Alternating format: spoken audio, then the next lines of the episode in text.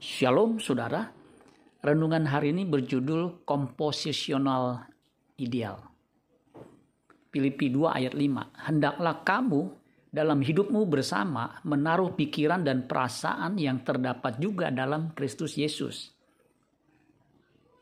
Kata komposisi biasanya berkaitan dengan hal-hal yang berhubungan dengan perpaduan. Arti dari kata ini menurut kamus cukup bervariasi beberapa arti kata komposisi menurut kamus bahasa kamus besar bahasa Indonesia. Yang pertama, komposisi artinya susunan.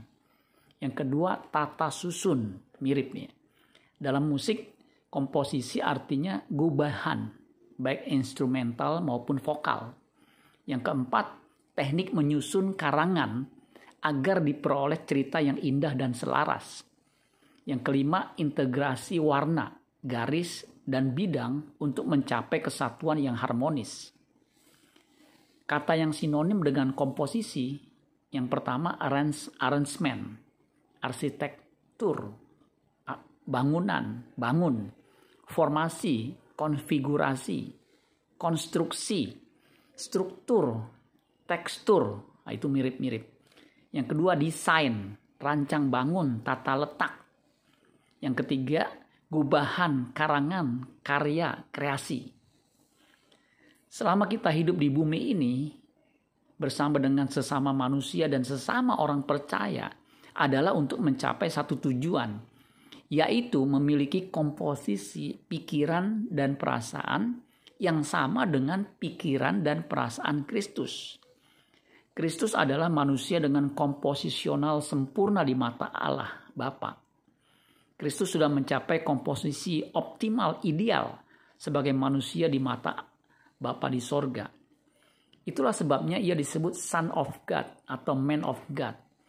Ini dikonfirmasi oleh Bapa di sorga ketika ia mengalami transfigurasi.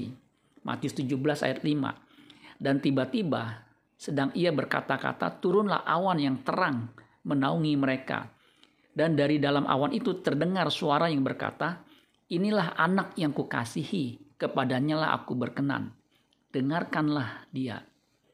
Tuhan Yesus adalah model atau prototipe manusia ideal yang pernah hidup di bumi dan orang percaya harus mengikuti jejaknya.